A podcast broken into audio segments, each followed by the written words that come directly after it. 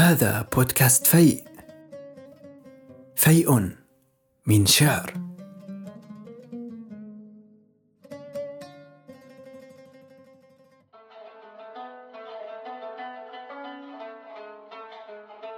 في عام 1985 المكان أبو ظبي. الحدث أمسية للشاعر السوري الكبير عمر أبو ريشة. يحلق فينا عبرها بفضاء الشعر النقي.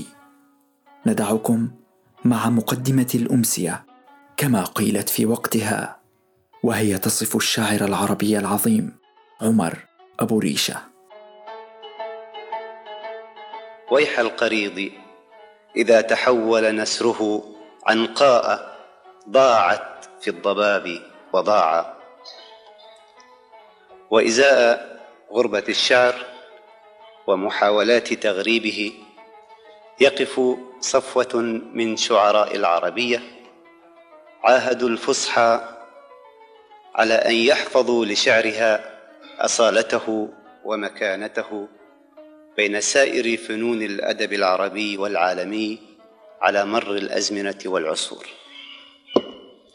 ومن هؤلاء ضيف بلادنا الشاعر العربي الكبير الأستاذ عمر أبو ريشة.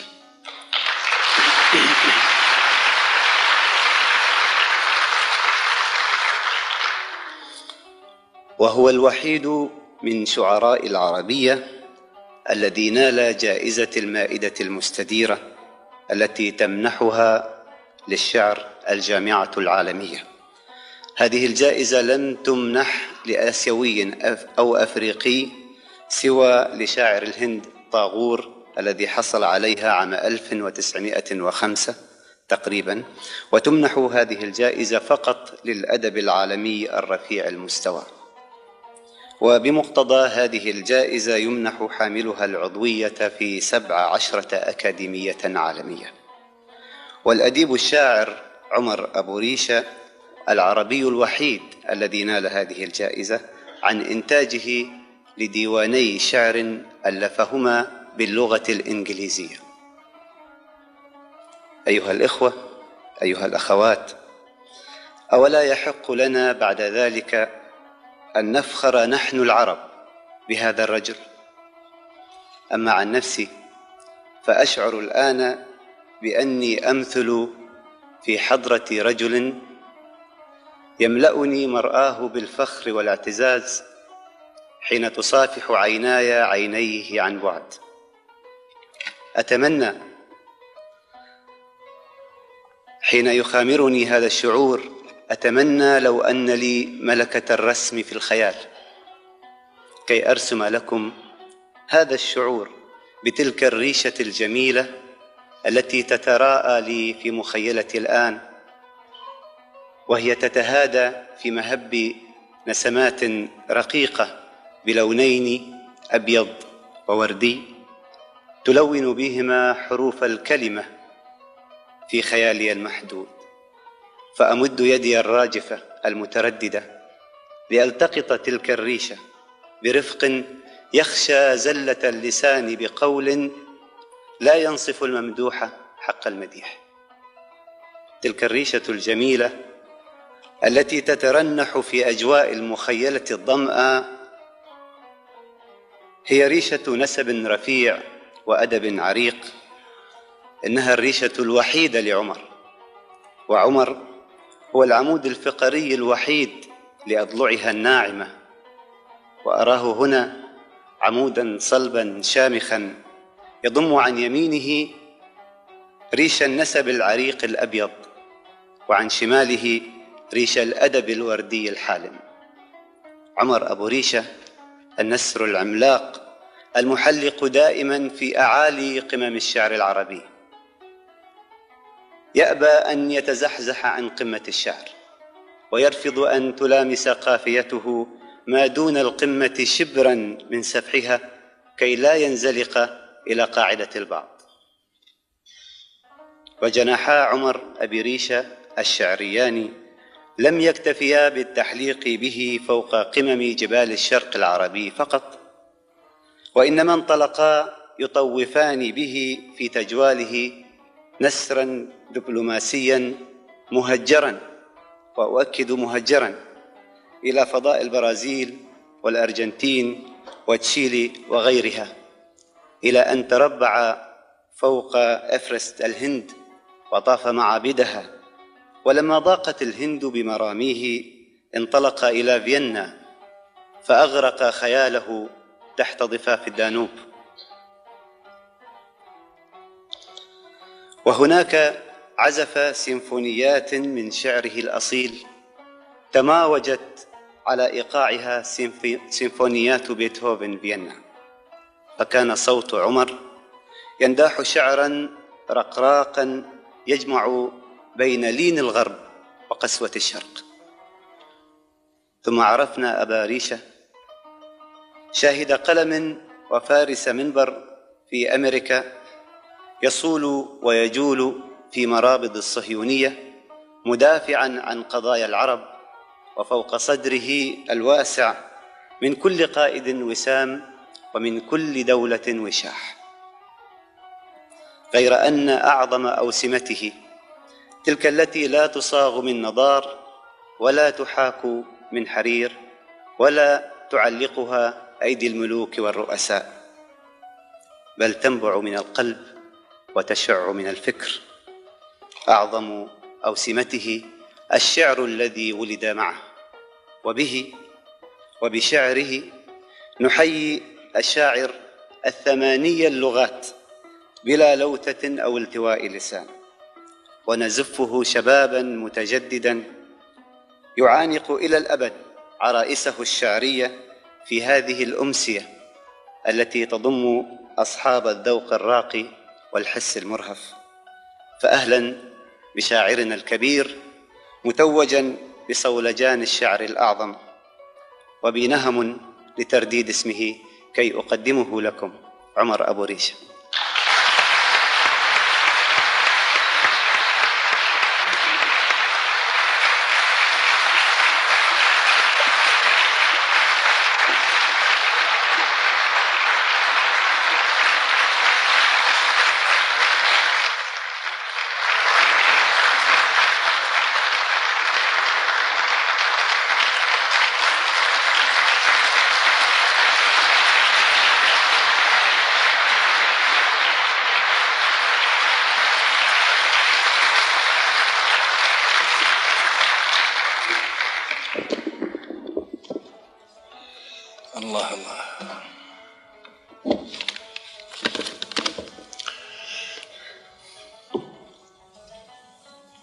سيداتي سادتي. يسعدني كل السعادة أن أجتمع إليكم هذا المساء في هذا البلد الحبيب. هذا البلد الذي تجمعني به ذكريات بعيدة ذكريات لا تخبو لها روعة ولا يهدأ إليها حنين. والذكريات عند قولي قطاف ما غرست يدي كفل الحنين بقاءها وتعهدا هي كل زادي هونت صعب السرى ورمت على قدمي غطرسة الردى.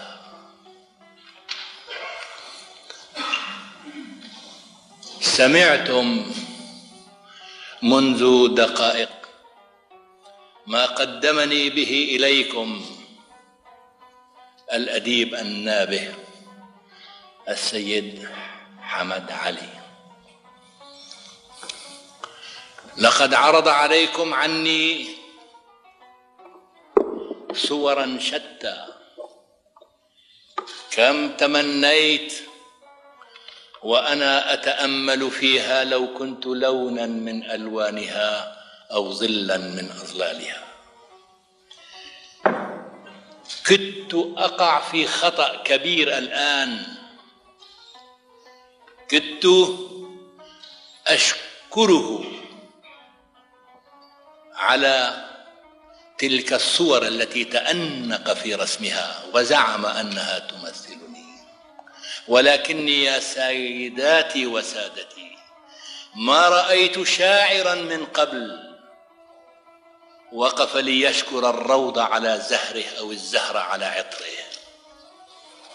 حسب العاطفة أن تعرف لا أن توصف. وحسب الشكر أن يعيش في قرارة الوجدان لا أن يموت على اضلاع الحروف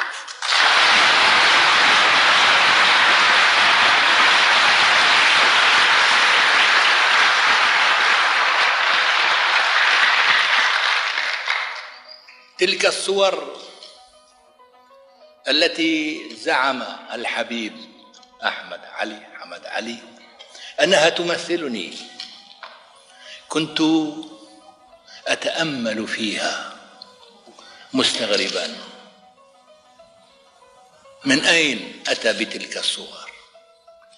ليسمح لي إذن أن أقدم أنا نفسي بنفسي إليكم على حقيقتها. ولا أريد أن أخفي عنكم صورة مما أنا عليه.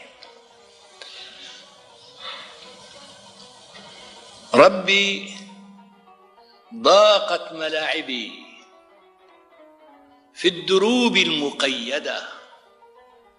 أنا عمر مخضب وأمان مشردا ونشيد خنقت في كبريائي تمردا ربي ما زلت ضاربا من زماني تمردا بسماتي سخية وجراحي مضمضة.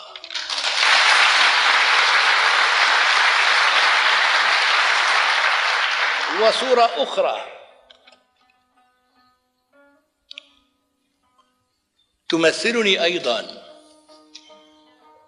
أقبلت من صدر الربيع وقلت لي أتحبني؟ أتحبني يا شاعري؟ أنا بدعة الدنيا وسر خلودها هتكت على عري الحياة ستائري. تتلمظ الشهوات فوق محاجري وتعربد اللذات خلف مآزري وتسلسل النعماء حمر مراشفي وتلف جيد النجم شكر ضفائري. حسناء لا تتلا حسناء لا تتقربي من خاطري طوي البساط ونام جفن السامرين. وفتحت أبواب الثراء وقلت لي أتحبني؟ أتحبني يا شاعري؟ أنا متعة العاني وفيء دروبه وملاذه من كل صرف غادر ترمي بأكداس النضار مواطئي وتلف جلباب الظلام جواهري وأقيم حول ركاب عمرك أعبدا يتسابقون إلى نداك الآمر حسناء لا تتلاعبي بشعائري حسبي من الينبوع جرعة عابري.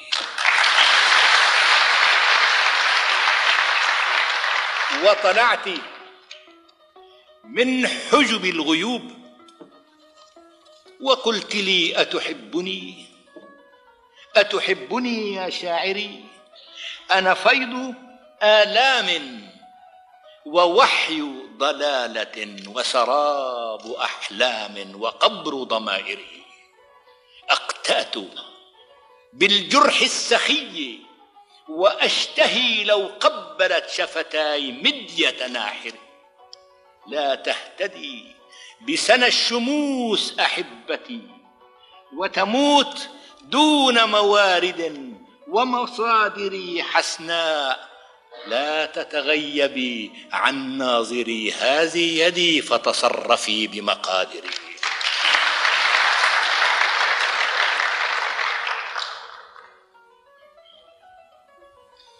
والصورة الثانية أيضا. عني تمثلني طبعا. فقد خرجت من المستشفى بعد عملية. جراحية.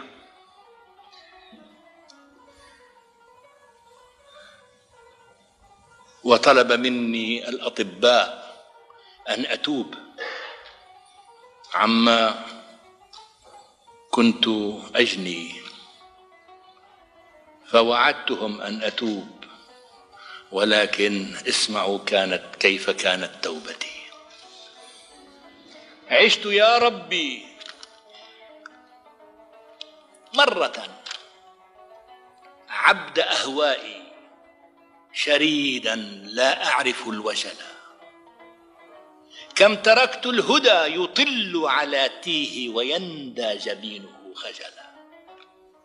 كم شققت الدجى ونار غوايات الغوالي تنير لي السبل إن أمسي إذا التفت إليه جن في الخيال واقتتل ذلك العهد لن أحن إليه. إنه عن مناهل ارتحل. صرت حرا. بلغت جنة دنياي وجفني بنورها اكتحل. إنها نعمة أقطع فيها العمر مستغفرا. ومبتهلا. اعف عني يا ربي بدد همومي. فلقد عشت مرة رجلا.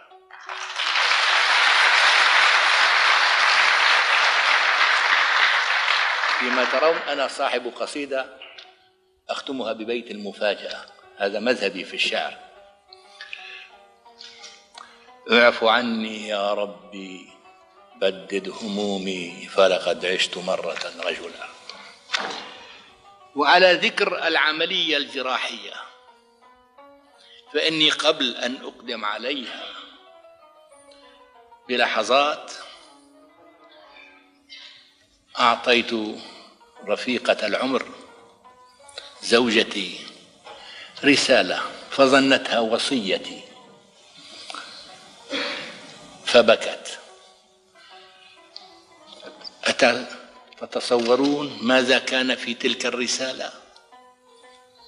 بعد أن خرجت من المستشفى من دائرة العمليات بعد أسبوع أيوة اجتمع حولي الأصدقاء والأطباء الأجانب أيضا استغربوا كل ما كان مني. قلت لرفيقتي رفيقة العمر اقرأي أعطيني الكتاب أعطيني الكتاب الذي أعطيتك إياه. فقالت يا عمر قلت لا يا ما بيجوز هذه وصيتي. ماذا كان في ذلك الكتاب؟ رفيقتي لا تخبري إخوتي. كيف الردى؟ كيف علي اعتدى؟ ان يسالوا عني وقد راعهم أن أبصروا هيكلي الموصدى لا تجفلي. لا تطرقي خشعة. لا تسمحي للحزن أن يولدا قولي لهم سافرا. قولي لهم إن له في كوكب موعدا.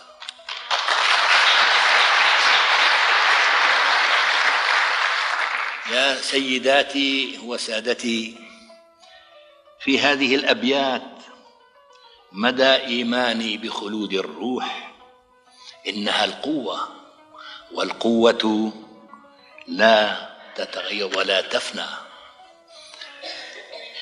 والقوة أيضا كما أثبت العلم والإسلام لا تفنى ابدا. وأنا عدا ذلك من عباد وعشاق هذا الكوكب لم أتجنى عليه حتى اليوم كما يتجنى عليه إخواني الطاعنون في السن. لا أدري لماذا يقول دنيا فناء دنيا زوال. لا أدري لماذا يفعلون ذلك. أردت أن أعبر عن حبي له لهذا الكوكب بقولي. ملاك الموت طاف بي الأعالي وشق بها غياهب كل تيه وأبرز للنجوم وكل نجم يتيه بما لديه على أخيه. وقال لي انتقي المأوى فإني أريدك تنتقي ما تشتهيه فأنت شقيت في دنياك. مما بلوت بها من العيش الكريه وأنت طويت عمرك بالتغني بفردوس الجمال وساكنيه. فأين تريد أن تحيا؟ بعيدا عن القلق المرير وعن بنيه. ولاح إلي نجم من بعيد تفلت من مواكب راصديه. توشح بالغيوب فكان بدعا يتيم الند منفرد الشبيه فقلت هناك. قال بكل رفق هو النجم الذي قد مت فيه.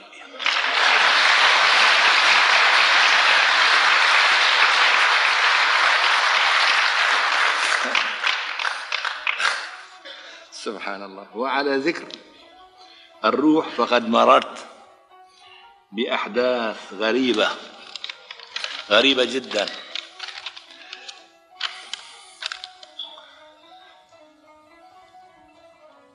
كما قلت نحن لا نستطيع أن نموت ولكن نتغير طبعا ولكن لا نموت. القوة لا تفنى. كنت في الريو دي جانيرو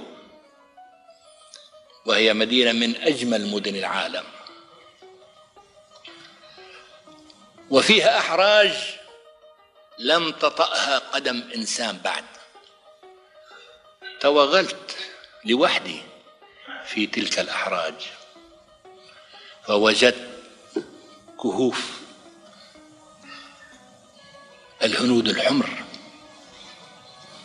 أصحاب البلاد التي استعمرها الأجانب وقضوا على أبنائها. شعرت وأنا جالس على أحد المقاعد. أني لم أكن وحدي أني كنت في موكب من أرواح هؤلاء الشهداء الذين قتلهم الاستعمار الأجنبي. كتبت في تلك الليلة القطعة التالية مطاف الجمال مطاف الجلال. ملكت علي عنان الخيال وموجت روحي بغبر الرمال وزهر التلال وخضر الجبال وزرقة يم رحيب المجال. وأنت على عاديات الضلال صلاة احتمال ونجوى ابتهال. طويت العصور الخوالي الطوال وما زلت تسأل ركب الليال عن كل أمرد سمح الخلال.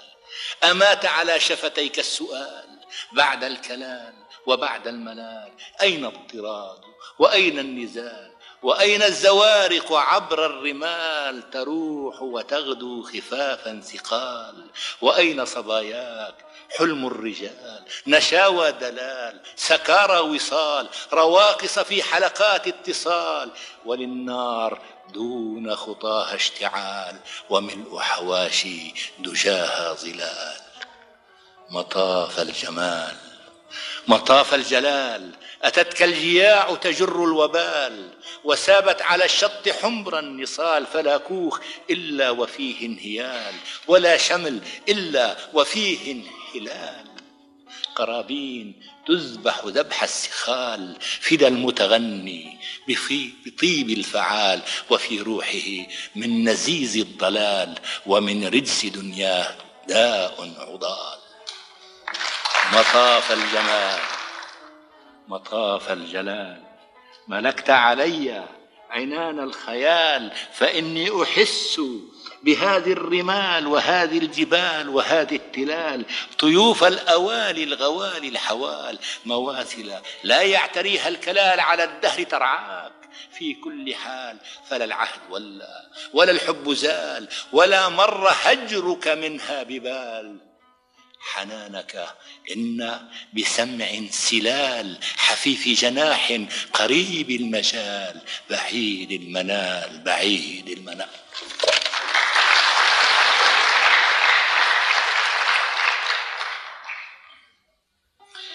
وكنت في الهند وقرأت عن معابد كجراو وكانت الحكومة لا تسمح بزيارة تلك المعابد. أردت أن أزور تلك المعابد. معابد من أروع ما رأيت في حياتي. حتى زرت المتاحف الكبرى في أوروبا إيطاليا في غيرها. لم أرى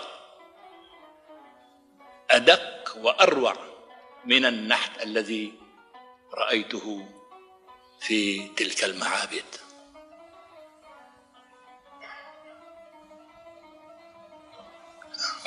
أجسام بوضع بأشكالها الطبيعية الأوضاع الجنسية الشاذة الغريبة الطبيعية أيضا الخيالية التي لا يمكن تطبيقها. ولكن تنسى بشاعة الفكرة أمام روعة النحت. وهناك مناظر حب تمثل الحب العذري في أجمل تجلياته. قلت إن هؤلاء الهنود القدامى أنشأوا هذه المعابد بحيث يرى كل إنسان أين يقف منها. كتبت قطعة كبيرة طويلة عنها بالإنجليزية وسمعها مولانا عبد الغفار رئيس المجلس وحدث إلى الزعيم جواهر لال نهرو. ترجمت تلك القطعة إلى العربية فيما بعد. فقلت له للزعيم نهرو إن هذه المعابد ليس لعبادة الجنس كما تتصورون لا. إنها تمثل الإنسان في جميع مظاهره وتجلياته. الآن أي أي شخص كان في العالم يستطيع أن يزور هذه المعابد ويدخل أعظم أوتيل أو فندق كما يقولون شيد للزائرين من جميع جهات العالم. وصفت جميع المناظر للأوضاع الجنسية الطبيعية والشاذة والخيالية دون أن أجرح سمع القارئ. من منكما وهب الأمان لأخيه أنت أم الزمان؟ شقيت على أعتابك الغارات وانتحرت هوان وتمزقت أملاكها تاجا وفضت صولجان وبقيت وحدك فوق هذا الصخر وقفة عنفوان. يا هيكلا نثر الفتون ورنح الدنيا افتتان وثب الخيال إلى لقاك ورد وثبته العيان وتلفتت منك الدمى بين افتراق واقتران نبط الوقار عن الحياة فما استقر له مكان. عيني ما تتأملان وأي دنيا تجلوان مسح الذهول عليكما يده فما تتحولان كم دمية ذل الرخام على انتفاضتها وهان طلبت فأعطى.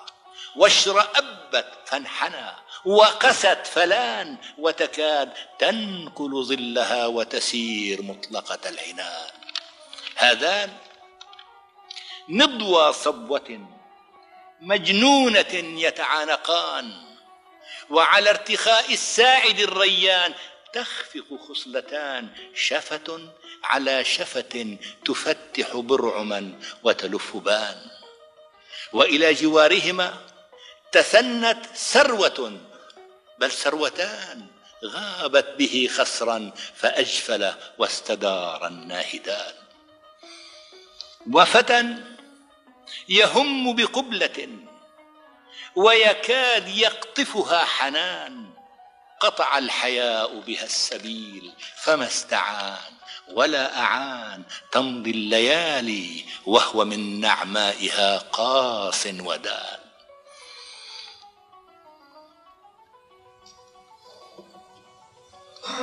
وندي كهان تضوع في مجامره الدخان وصنوجه وكؤوسه طافت بها زمر القيان يرقصن في إغرائهن وكل قد أفعوان وأمامهن بقية من كاهن خسر الرهان لو هم خشت أضلع منه وصكت ركبتان ركعت وراء وساده إحدى صباياه الحسان وتجمعت. فانهل نسرين وأورق أقحوان هل جرح سمع أحد في هذه الصورة؟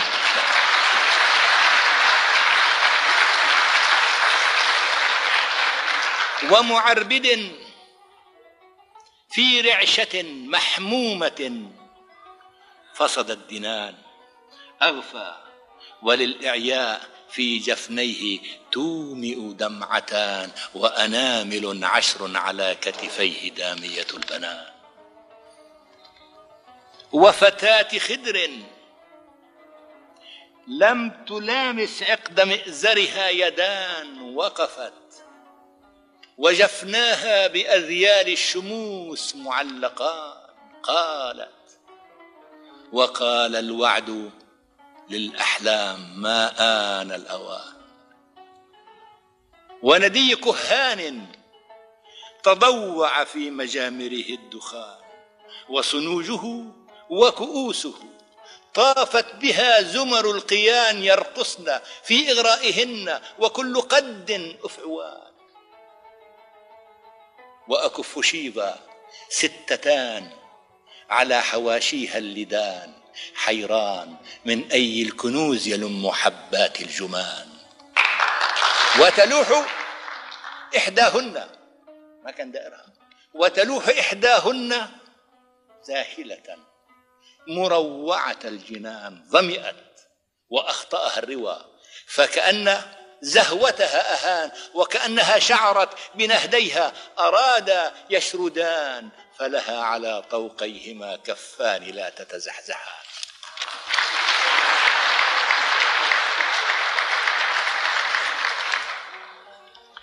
كجراو عفوك. قصيدة طويلة أختصرها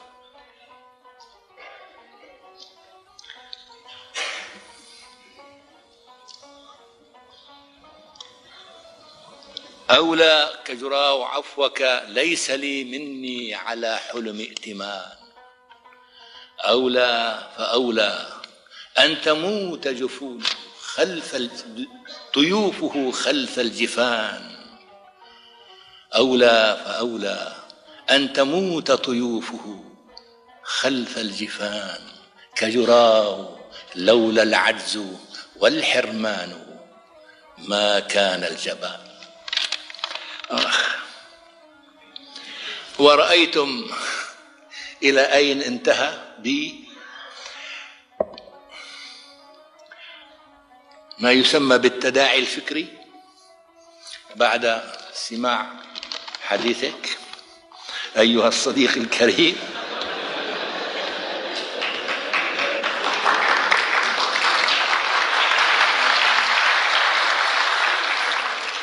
استوقفني صباح اليوم.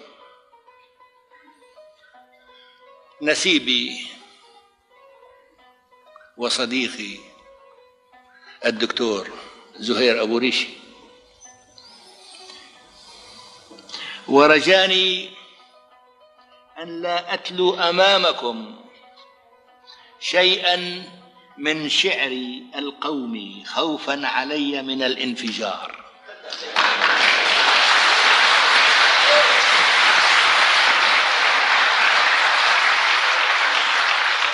قلت له وماذا تريد مني أن أقول؟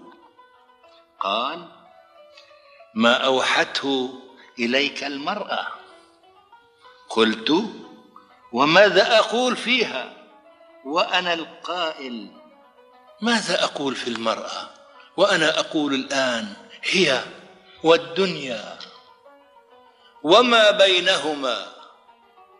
غصص الحرة وأهواء العنيدة رحلة للشوق. لم أبلغ بها ما اردتني من فراديس بعيدة. طال دربي وانتهى زادي له ومضى عمري على ظهر قصيدة.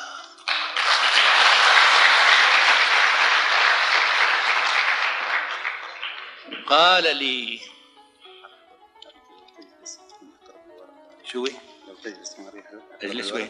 هناك لأن هناك لا هون منيح جيب لي شوف مو قادر تقرأ يعني. بسيطة الحكاية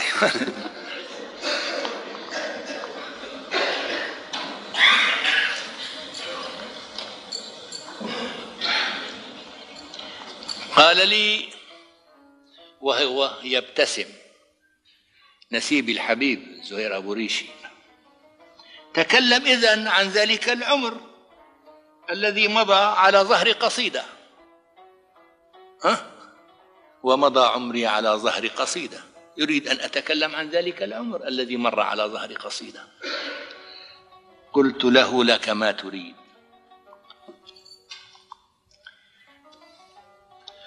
أول ما عرفت المرأة قلت فيها ألفيتها ساهمة شاردة تأملا.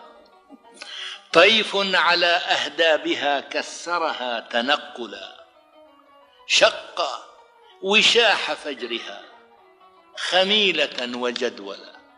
وماج فيها رعشة حرا وشوقا منزلا. ناديتها فالتفتت نهدا وشعرا مرسلا واللحظ في ذهوله مغرورق تململا طوقتها يا للشذا مطوقا مقبلا. فمن ثنت حائرة ولا رنت تدللا ولا درت وجنتها من خجل تبدلا. كأنها في طهرها أطهر من أن تخجلا.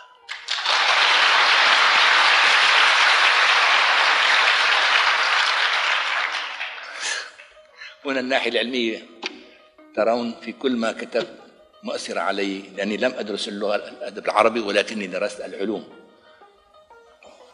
أخذت الدكتوراه بالعلوم طبعا.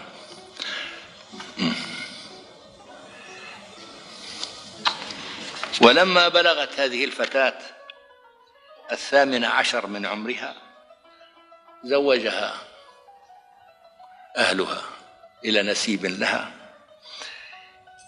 استوقفتها في أحد الأيام وكنت دائما أحفظ جميع رسائله في جيبي. حتى لا تظن أنني في يوم من الأيام سأبوح بسر صداقتنا. التقيت بها في حلب كنت بالعشرين بالعمر يعني واحد ورددت إليها رسائلها مع هذه الأبيات قفي لا تخجلي مني. فما أشقاك أشقاني كلانا مر بالنعمى مرور المتعب الواني وغادرها كومض الشوق في أحداق سكراني قفي. لن تسمعي مني عتاب المدنف العاني فبعد اليوم لن أسأل عن كاسي وندماني خذي ما سطرت كفاك من وجد وأشجان. صحائف طالما هزت بوحي منك ألحاني خلعت بها على قدميك حلم العالم الفاني. لنطوي الأمس. ولنسدل عليه ذيل نسياني فإن أبصرتني ابتسمي وحييني بتحناني وسيري سير حالمة وقولي كان يهواني.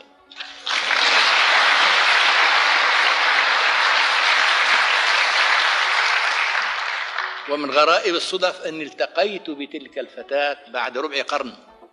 بالصدفة في بيروت.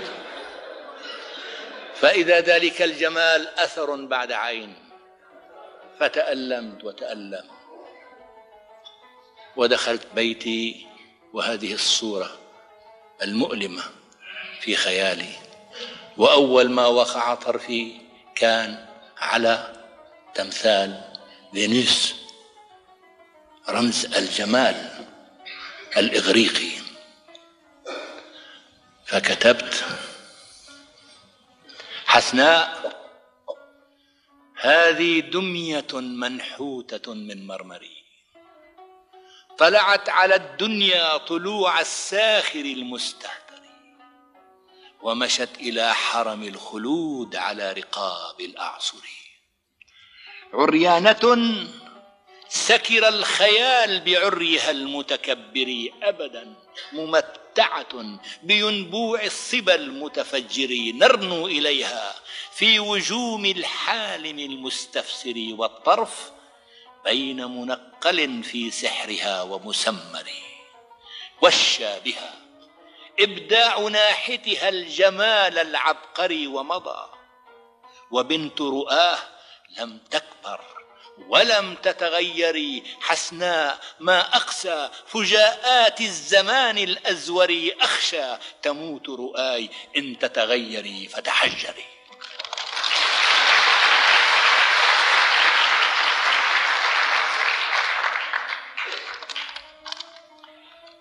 وذهبت في أحد الأيام أيام عفى الله عنها. إلى الفندق لزيارة صديق عزيز علي. فسمعت من قاعة كبرى صوت صوت امرأة يعرفها أكثركم ذات حنجرة غريبة من نوعها في عالم الألحان. سمعتها تغني قطعة شعرية لي. نسيت الفكرة التي أحملها لما زرت الفندق. ونسيت الصديق واقتحمت تلك الغرفة التي كانت فيها تلك السيدة. ماذا كان بيني وبينها؟ اسمه قصيدة في المخاطب وهو أصعب أنواع الشعر لا يك لم يكتبه أحد في أدبنا لا الغربي ولا الشرقي بالمخاطب. أكثر ما كتب من الشخص الثالث يعني الشخص الثالث. أقول لا تغني فإن حشرجة الميت وجهش النعات في مسمعية أتغنين؟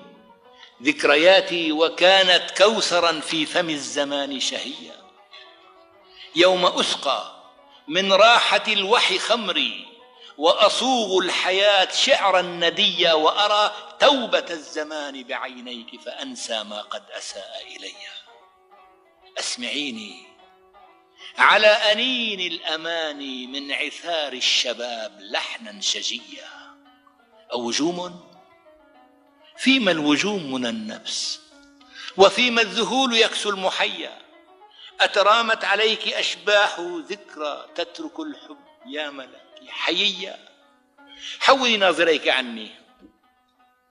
فما أستطيع أجلو سرا هناك خفيا ويح نفسي ما للعواصف تخبو ويفت الخذلان في ساعدي. أنا طفل الحياة يا ضلة الروح. فعفوا إن جئت أمرا فريا. خوقيني بساعديك فلا خوف علينا من أعين العزال. أسمعيني على أنين الأماني من عثار الشباب لحنا شجيا. أوجوم؟ فيما الوجوم من النفس وفيما الذهول يكسو المحيا. أتغنين؟ بعد صمت كئيب كان يدوي في مسمعي يدويا حسنا تفعلين غني أعيدي أخفضي الصوت تمتميه إلي اتركيني على ذراعك أغفو وأذيب الأصداء شيئا فشيئا.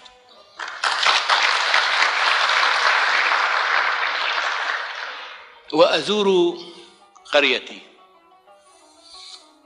في قضاء المعرة لأودع أبناء عشيرتي عشيرة الموالي إني بدوي وأفتخر ببداوتي.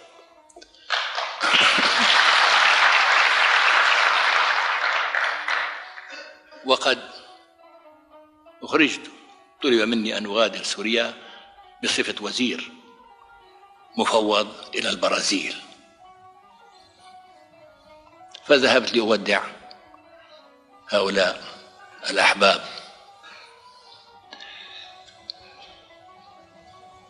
واستغربت وجود عدم وجود نسر كبير كان يقيم على كومة من الأحجار السود. لم أر. سألت أحد المزارعين أين ذلك النسر الذي طلبت منكم أن لا يصاب بسوء؟ فقالوا لي أفقنا في يوم من الأيام ولم نرى له أثرا ولم يعد. إنه طار ولم يرجع. قلت في نفسي لقد طار هذا النسر ليموت في القمة التي كان يعيش فيها. أما أنا فمتى أعود إلى الربع الذي كنت أعيش فيه؟ كتبت هذه القطعة عن النسر. كتبتها ثم باللغة الإسبانيولية أيضا. أصبح السفح ملعبا للنسور.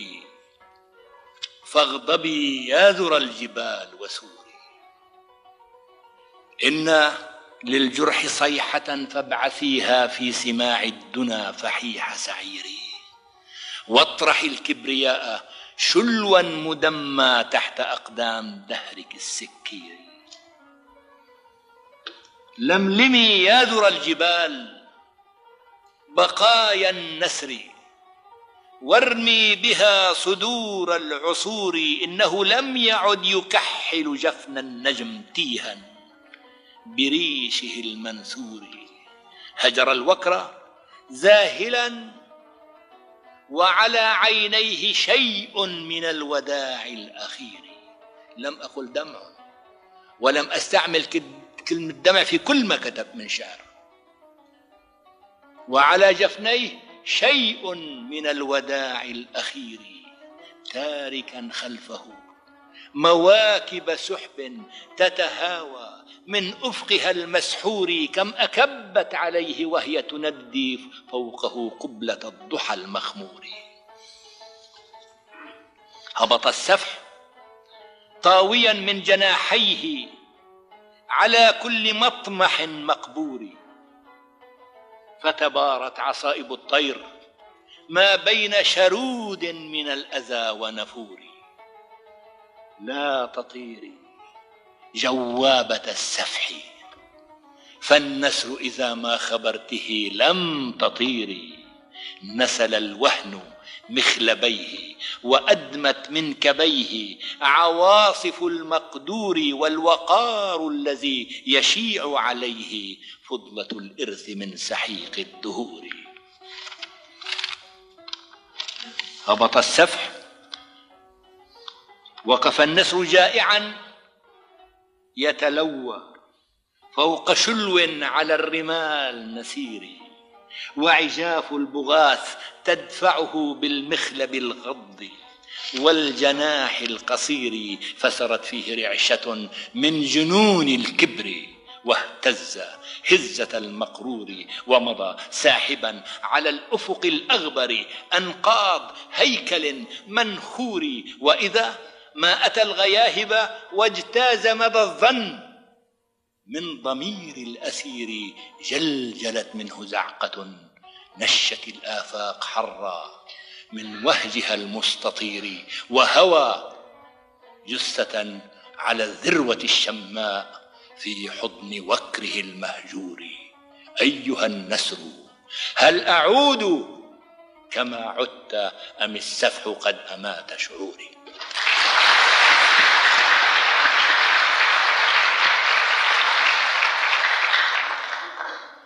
وأذكر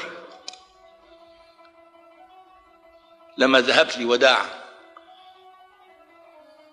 هؤلاء الأصدقاء في قريتي وقفت أمام قصر روماني.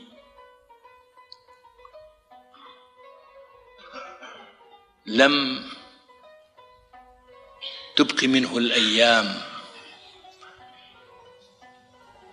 غير ما يحيط به من عناكب. استغربت. هذا المنظر. وسمعتني أتمتم بيني وبين نفسي. إن الدمار يقف مشلول الحركة هنا. قفي قدمي. إن هذا المكان يغيب به المرء عن حسه. رمال وأنقاض صرح هوت أعاليه تبحث عن أسه. أقلب طرفي به زاهلا. وأسأل يومي عن أمسه أكانت تسيل عليه الحياة. وتغفو الجفون على أنسه. وتشدو البلابل في سعده وتجري المقادير في نحسه. أأستنطق الصخر عن ناحتيه؟ أأستنهض الميت من رمسه؟ حوافر خيل الزمان المشت تكاد تحدث عن بؤسه. فما يرضع الشوك من صدره؟ ولا ينعب البوم في رأسه وتلك العناكب مذعورة تريد التفلت من حبسه. لقد تعبت منه كف الدمار وباتت تخاف أذى لمسه. هنا ينفض الوهم أشباحه وينتحر الموت من يأسه.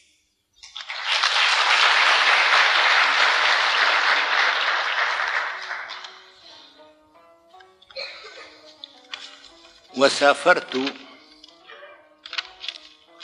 من عاصمة الأرجنتين إلى تشيلي لأقدم أوراق اعتمادي. سانتياغو دي تشيلي العاصمة هناك. وكان إلى جانبي على الطائرة فتاة غريبة عجيبة. جمال ساحر وأدب رفيع. ما خضنا في موضوع إلا وكان لها خبرة واسعة فيه. أعجبت فيها بها كل الإعجاب. فسألتها من تكونين أيتها الآنسة؟ فأجابت طبعا كنا نتكلم بالإسبانيولية. لا سانغري عربي مي فينوس الدم العربي يجري في عروقي. أطرقت. فظنتني احتقرتها قالت لي بالرغم مما عرفت من أدبك وعلمك الغزير أستغرب أن تكون جاهلا. حكاية أجدادي في تاريخ الحضارة أجداد العرب في الأندلس. وأخذت تحدثني عن أجدادها العرب في أندلس وما تركوا فيه. في تلك الأثناء كانت الطائرة بلغت سانتياغو دي تشيلي وبدأت في الهبوط. التفتت إلي بكل عنف وبكل كبرياء. هؤلاء جدودي فمن أنت؟ لم أجبها. وكنت أول سفير كما قلت زار بصفة رسمية تشيلي وكان المطار يغص بالمستقبلين. عرفت من أنا. كتبت هذه القطعة التي سأسمعكم إياها باللغة الإسبانيولية ثم كتبتها باللغة العربية. وثبت عن الطائرة. تستقرب النجم مجالا. وتهادت تسحب الذيل اختيالا. وحيالي غادة تلعب في شعرها المائج غنجا ودلالا. طلعة ريا وشيء باهر أجمال جل أن يسمى جمالا. فتبسمت لها فابتسمت وأجالت في ألحاظا كسالا.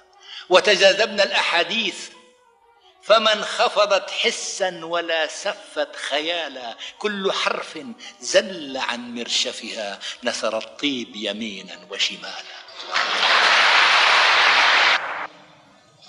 أنا من أندلس جنة الدنيا عبيرا وظلالا وجدودي المحوا الدهر على ذكرهم يطوي جناحيه جلالا.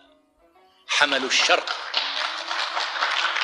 حملوا الشرق سناء وسنا وتخطى ملعب الغرب نضالا فنمى المجد على آثارهم وتحدى بعدما زالوا الزوالا هؤلاء الصيد قومي فانتسب إن تجد أكرم من قومي رجالا.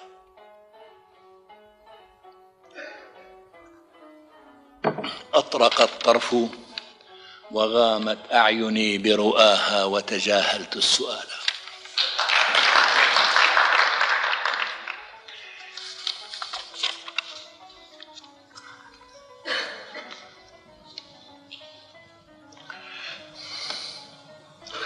قلت لكم منذ دقائق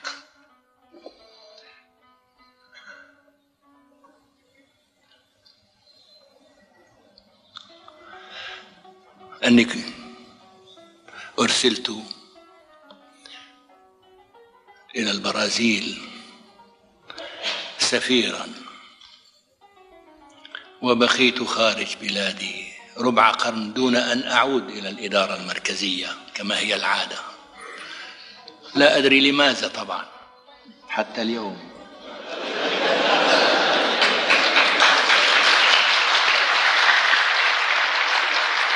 ولكن تعلمت الشيء الكثير ب في وجودي بالسلك السياسي. نحن نتحدث الآن عن المرأة ما عن السياسي ها؟ وأدركت أن السفير الناجح جدا وكنت سفيرا ناجحا. كيف؟ السفير الناجح هو الذي لا ينسى اليوم لا ينسى اليوم ولا الشهر الذي ولدت فيه نساء السفراء. ولكنه ينسى العام. ولكنه لا يذكر العام يذكر اليوم ويذكر الشهر ولكنه لا ينسى.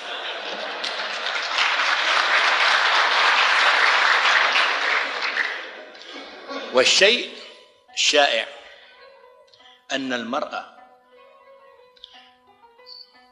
لا تبوح بحقيقة عمرها والواقع أن الرجال يفعلون ذلك أكثر بكثير من المرأة. عبرت عن هذا شو بقولي هذه الربا كم ضاق في فضاؤها. ما لي على جنباتها أتعثر شب الحصى فيها ودون زحامه درب يغيب وآخر يتكسر وملاعبي ومجر أزيالي بها بعودات فما ترقى إليها الأنسر ما كنت أحسب أنها تتغير والخمر ويح الخمر كان أقلها يوري أماني الحرار ويسعر ويطوف بي دنيا مخضرة الجنى لا أنتقي منها ولا أتخير واليوم لا وهج ولا أرج بها فكأنها من مزنة تتحدر ما كنت أحسب أنها تتغير وأرى الشتاء تطاولت أيامه وازداد عسفا قلبه المتحجر كم زارني وكشفت عن صدري له فأقام لا يزهو ولا يتكبر ما زلت أذكر كيف كان لهاثه. الشتاء ما زلت أذكر كيف كان لهاثه من دفء أضلاعي يذوب ويقطر. ما كنت أحسب أنه يتغير. وأتيت مرآتي على موعد. وأتيت مرآتي. وعطري في يدي فبصرت فيما لا كنت فيها أبصر فغضضت طرفي ذاهلا متوجعا ونفرت منها عاتبا أستنكر خانت عهود مودتي فتغيرت ما كنت أحسب أنها تتغير.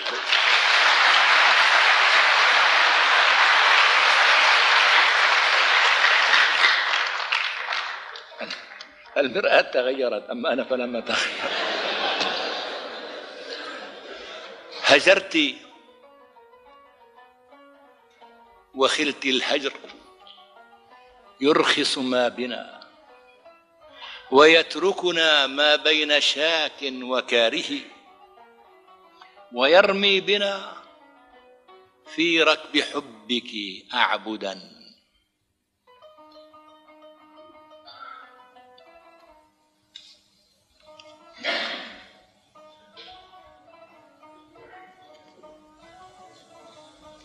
فيا فتنة الإغراء يا بدعة المنى أطلي على الماضي وزهو ادكاره تجاهلتنا هل خلتنا في إيابنا؟ ننام على ذل اللقاء وعاره لنا كبرنا. كم طال في التيه دربنا وكم نفضت أقدامنا من غباره. وقوفا يرانا الموت نخفي جراحنا وليس يرانا ركعا في انتظاره. وكتبت مقدمة لديواني لأحد دواويني الشعرية. بهذه الأبيات لم انشره بعد طبعا. سفر عمري هذا. فما من جديد أتمنى عليه محو القديم. هكذا شئت. أن أمر بدنياي ولا من يرى ضماد كلومي. أنا ذاك العملاق. ما عبث الحزن بدمعي ولا الأسى بهمومي. اهدئي اهدئي. فإني راض عن مصيري. في الغيهب المحموم لن تريني في موئل الحق عبدا في نعيم بل سيدا في جحيم.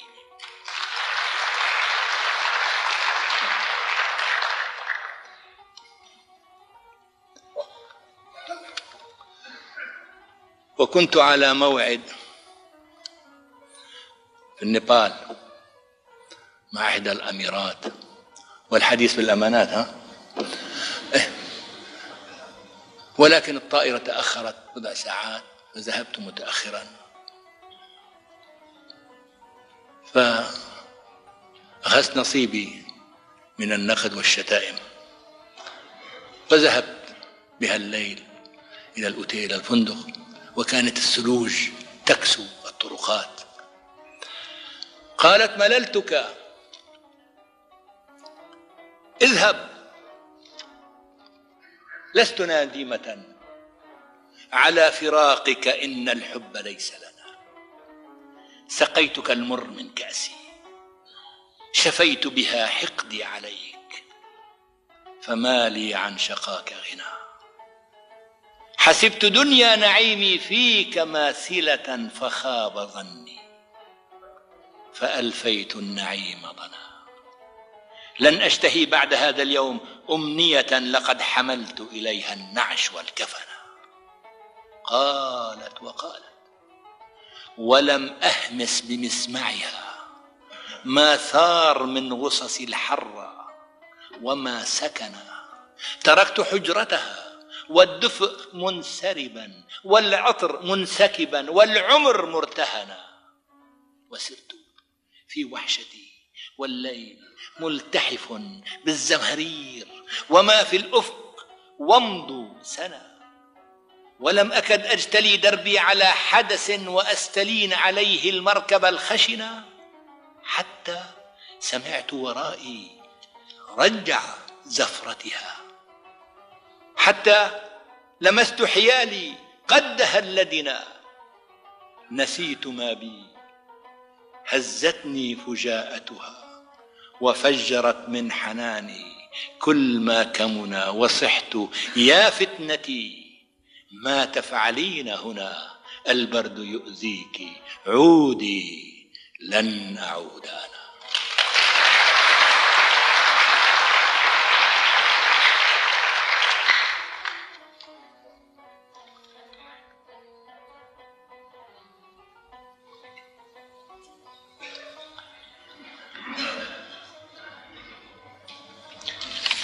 لا أريد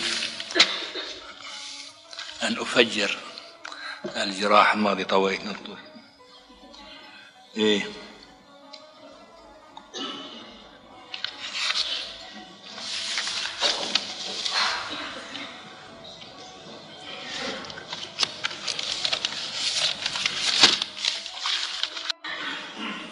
ادخلي بالشموع. أوراق شاعر مات ادخلي بالشموع. فهي من الظلمة وكر في صدرها منحوت.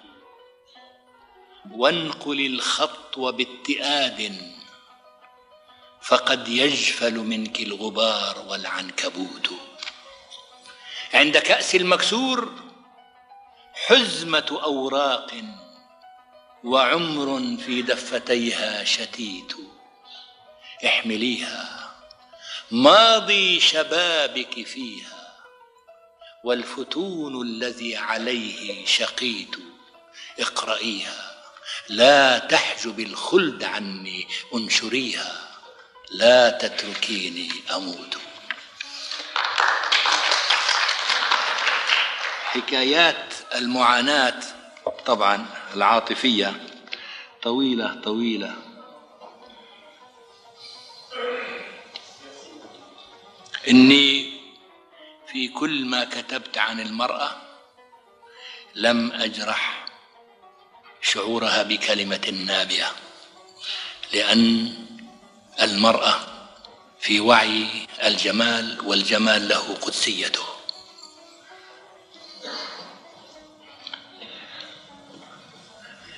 كنت أحاضر في الجامعة الأمريكية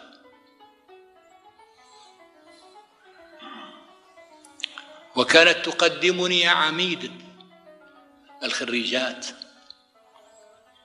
ومما قالته إن شاعرنا لم يعري المرأة في كل ما كتب ولم يجرح لها عاطفة.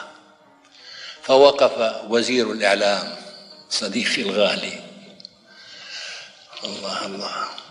وقال نرجوك أيتها الآنسة أن تسألي شاعرنا إنه فعلا لم يعري المراه في كل ما كتب ولكن ماذا قال لما تعرت له؟ أمن المعقول أن لا تكون إحدى النساء تعرت أمامه؟ نرجوك أن تسأليه ماذا قال فيها لما تتعرى له المرأة؟ سكت على هذا السؤال المحرج واسترسلت في إلقاء حديثي وختمت الحديث بهذه القطعة التي كتبتها.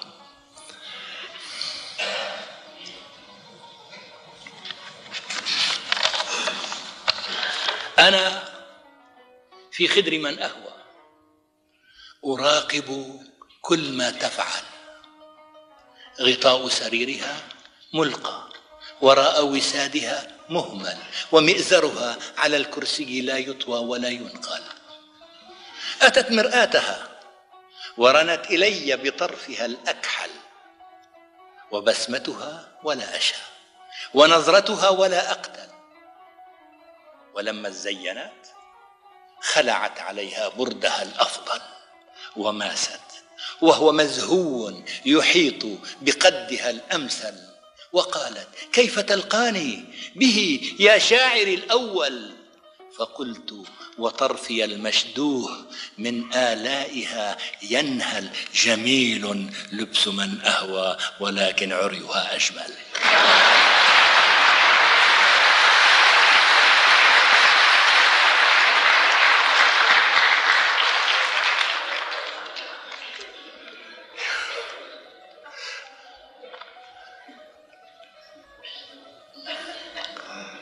أريد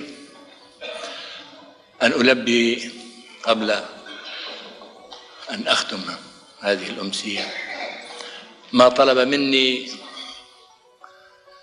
صديق العمر الشاعر الكبير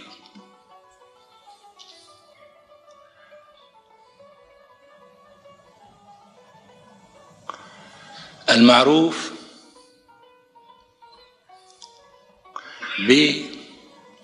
بالخشن وهو ذلك الوفي. أين هو؟ نعم. أيوه. طلب مني هذا الصديق الغالي الشاعر الكبير فؤاد الناعم وليس فؤاد الخشن أن ألقي مقطعا من ملحمة كبيرة كتبتها وعنوانها عودة المغترب.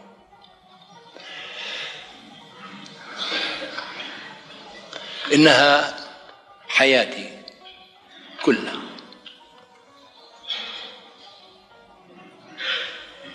بدأتها هكذا. ألفيت منزلها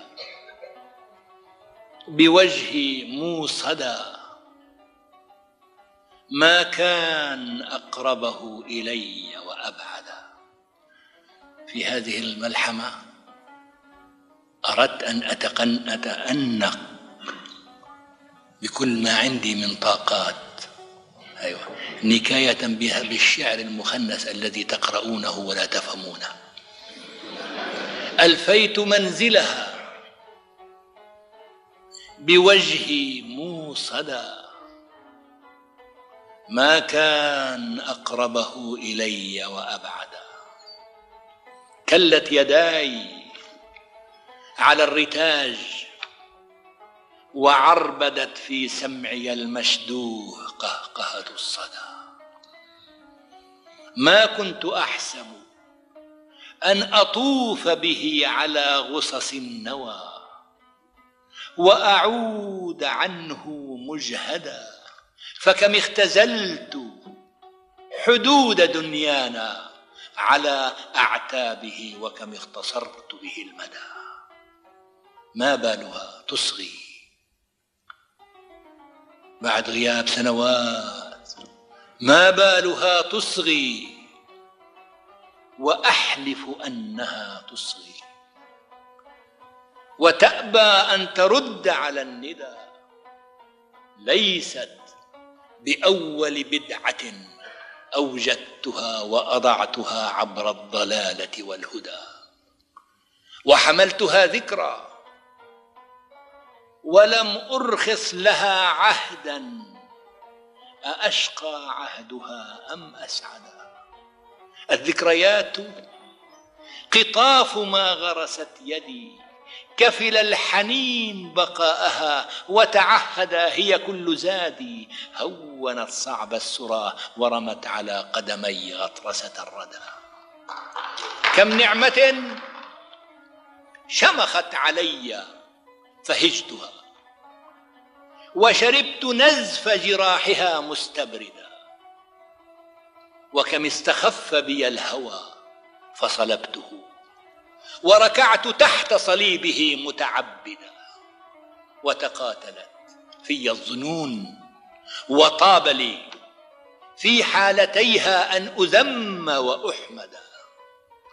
جئت الحياة فما رأتني زاهدا في خوض غمرتها ولا مترددا إني فرضت على الليالي ملعبي وأبيت أن أمشي عليه مقيدا. يا غربتي كم ليلة قطعتها نضو الهموم على يديك مسهدا.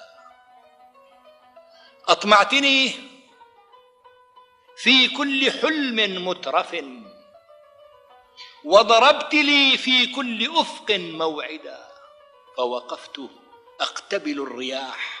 وما درت من كان منا العاصف المتمردا ومضيت انتعل الغمام وربما اشفقت خد النجم ان يتجعدا واطلت في التيه المشت تنقلي وحملت ما ابلاه في وجدد ورجعت استسقي السراب لثروة نسيت لياليها حكايات الندى.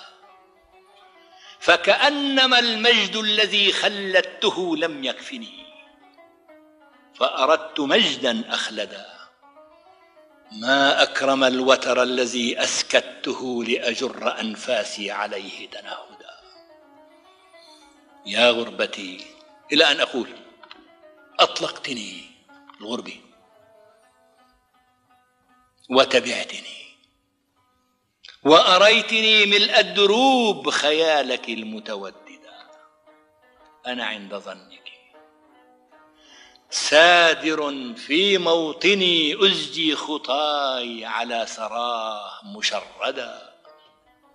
وأغض من طرفي حياء كلما عددت أعراسي عليه وعددا. أيام تستبق الرجال نداءه وأشق موكبهم فتيا أمردا وبنات كل عجيبة مجلوة رصدا على هضباته متوعدا كم علمتني أن تدوس جباهها قدمي وكم علمتها أن تحقدا. إلى أن أقول أأمر منه؟ وصاحباي كهولتي والعنفوان. ولا يمد لنا يدا. أنا ما شكوت على اللقاء. سدوده عني متى صد الكريم تعمدا. تلك الذوائب من لداتي دونه رمح تكسر. أو حسام أغمدا. أخذت بناصيتيه أيدي عصبة كانت على سود الليالي هجدا جاز الزمان بها حدود مجونه فأقام منها كل عبد سيدا.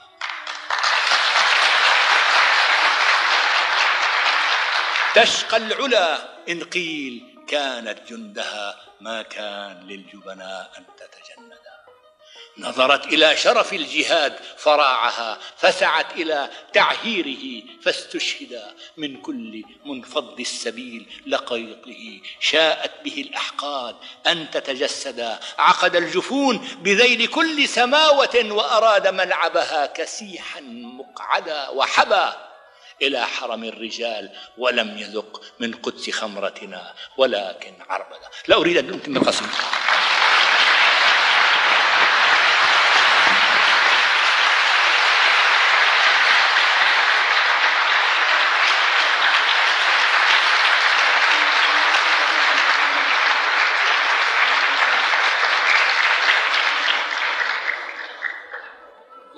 القصيده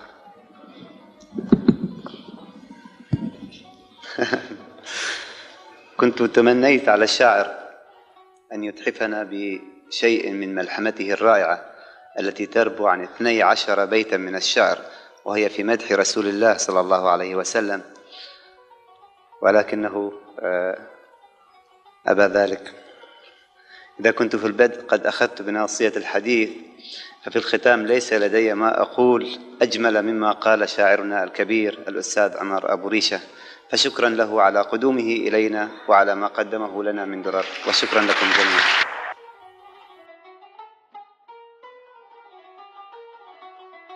هذا بودكاست فيء. فيء من شعر.